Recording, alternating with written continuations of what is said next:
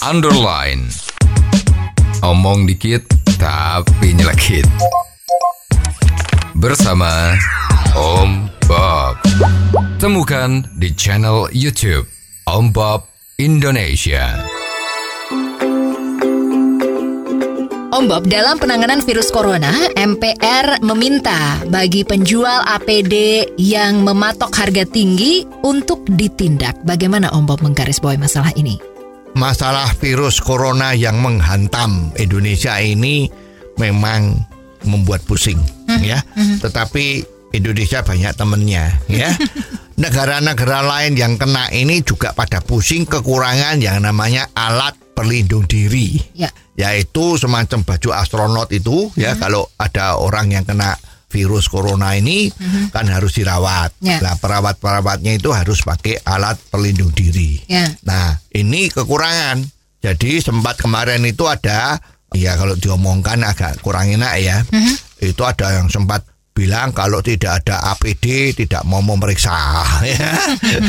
baik dokternya maupun perawatnya. Nah ini kan juga kasihan ya, Eh, susah sekali ya. Ya. Nah sekarang APD itu kan tidak semudah orang bikin baju kaos oblong Ya, ya. ya.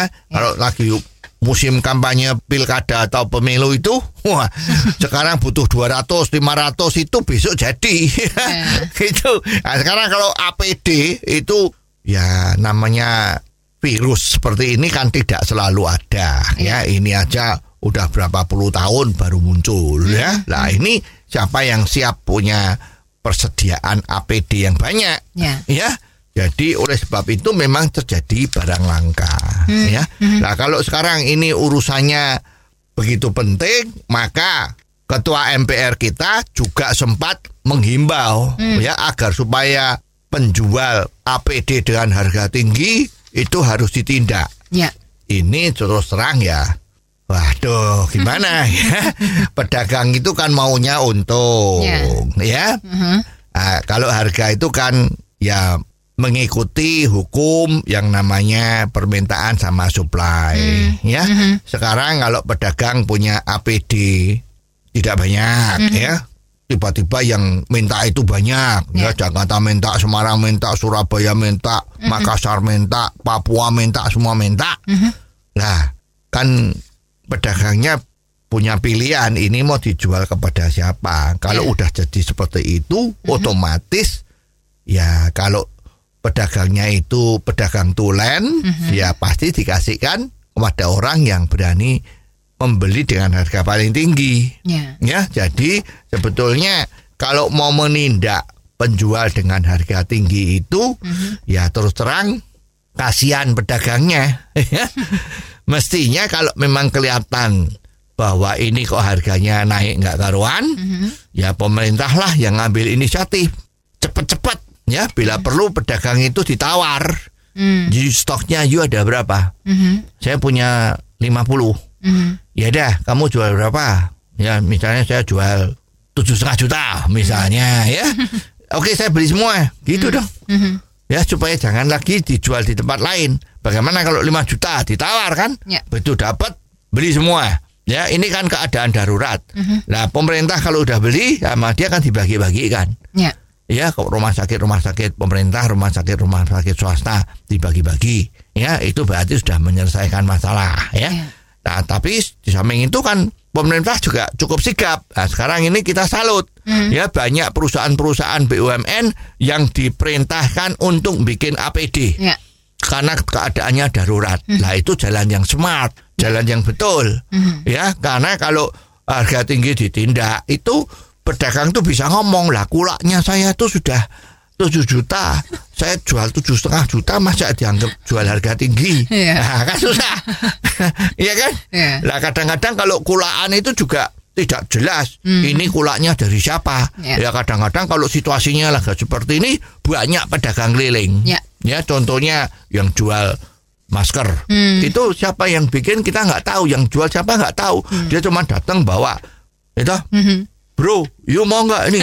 Beli masker. Ya. Loh, kenapa banyak-banyak ya disumbang-sumbangkan? Oke, berapa harganya bayar. Ya. Besok ada yang datang lagi, harganya naik, bayar. Kan kita nggak ngerti dia siapa. Ya. Ini susah dicegah. Jadi yang betul memang zaman sekarang sudah nggak model seperti itu, ya pakai ancaman-ancaman macam-macam seperti itu. Ya, yang betul adalah kalau ada kebutuhan pemerintah harus sigap Ya. punya pasukan khusus bikin.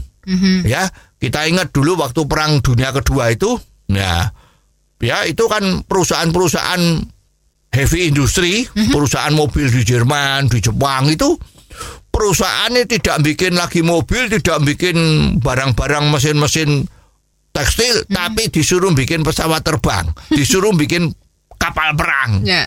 Itu kan. Nah ini juga begitu. Kalau ada situasi seperti ini, perusahaan tekstil milik negara Mhm. Bikin masker sebanyak-banyaknya. Ya. Sekarang kan harus pakai masker. Betul. Nah, penduduk Indonesia ini yang kena harus pakai masker ini kan ada 200 juta.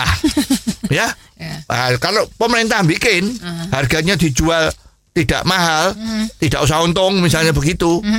Nah, itu kan otomatis harga terkendali kan. Hmm. Ya kan, tetapi kalau pemerintah cuman ngomong saja, ya, juga lembaga-lembaga lain yang tidak berkompeten itu ngomong-ngomong terus ya, bikin suasana kacau. Pedagang lihat, wah ini kesempatan eh, nyetak duit banyak, ya cepet-cepetan bikin. Perusahaan negara belum bikin, dia bikin dulu. Mhm. Ya, memang ada yang sosial, ada yang dijual murah, ada, tapi juga ada yang namanya juga orang beda-beda, ada yang sosial, ada yang sosial, Ya, agar supaya dapat duit, nah itu. Ya. Ya, jadi sebetulnya himbauan-himbauan seperti ini memang perlu ya supaya bisa menekan orang-orang supaya jualnya nggak tinggi-tinggi sekali, ya itu juga bagus ya. Oh, jadi begitu ya Om Bob. Jelas deh sekarang. Terima kasih Om Bob untuk waktunya. Sampai ketemu lagi di waktu yang akan datang. Underline.